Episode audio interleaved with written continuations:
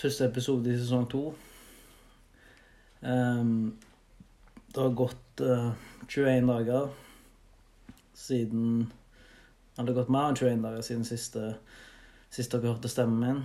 Uh, jeg har jobba litt i kulissene, og det viser seg at det, det er ganske dyrt å holde på med disse podkastene. Og jeg har på en måte, da Jeg syns det er litt kjipt å si, men jeg har valgt å selge, som vi i bransjen kaller vi sier, å selge sjelen vår til djevelen, på en måte.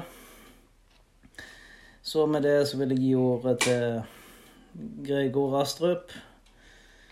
Og så får han informere dere om hvordan årets sesong kommer til å bli.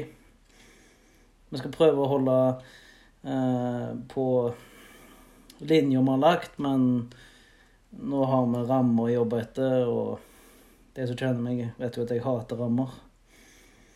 Så Gregor? Ja, hei. Jeg er Gregor Astrup. Er medeier og investor i mediekonglomeratet Murdoch Enterprises. Det var litt av en intro du ga meg her, Andreas. Um, men det er ikke sånn at uh, vi kan akseptere hva som helst. Uh, jeg og min bransje, vi ser med større bekymring på at din podkast kunne blitt en del av den kulturelle skolesekken, og det vil vi ikke ha noe av. Uh, men det vi ønsker, det er at vi kan få inn noen målrettede reklamer til dine lyttere. Uh, vi tenkte et samarbeid med deg der vi sponser f.eks. 90% av 100 episoder. Som da du legger ut i Spotify i 2022.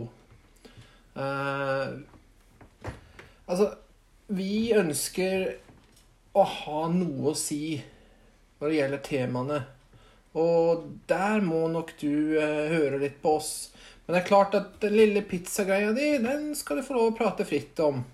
Uh, vi pengesterke liker jo også pizza. Uh, men det er klart vi setter ting til å være på våre premisser.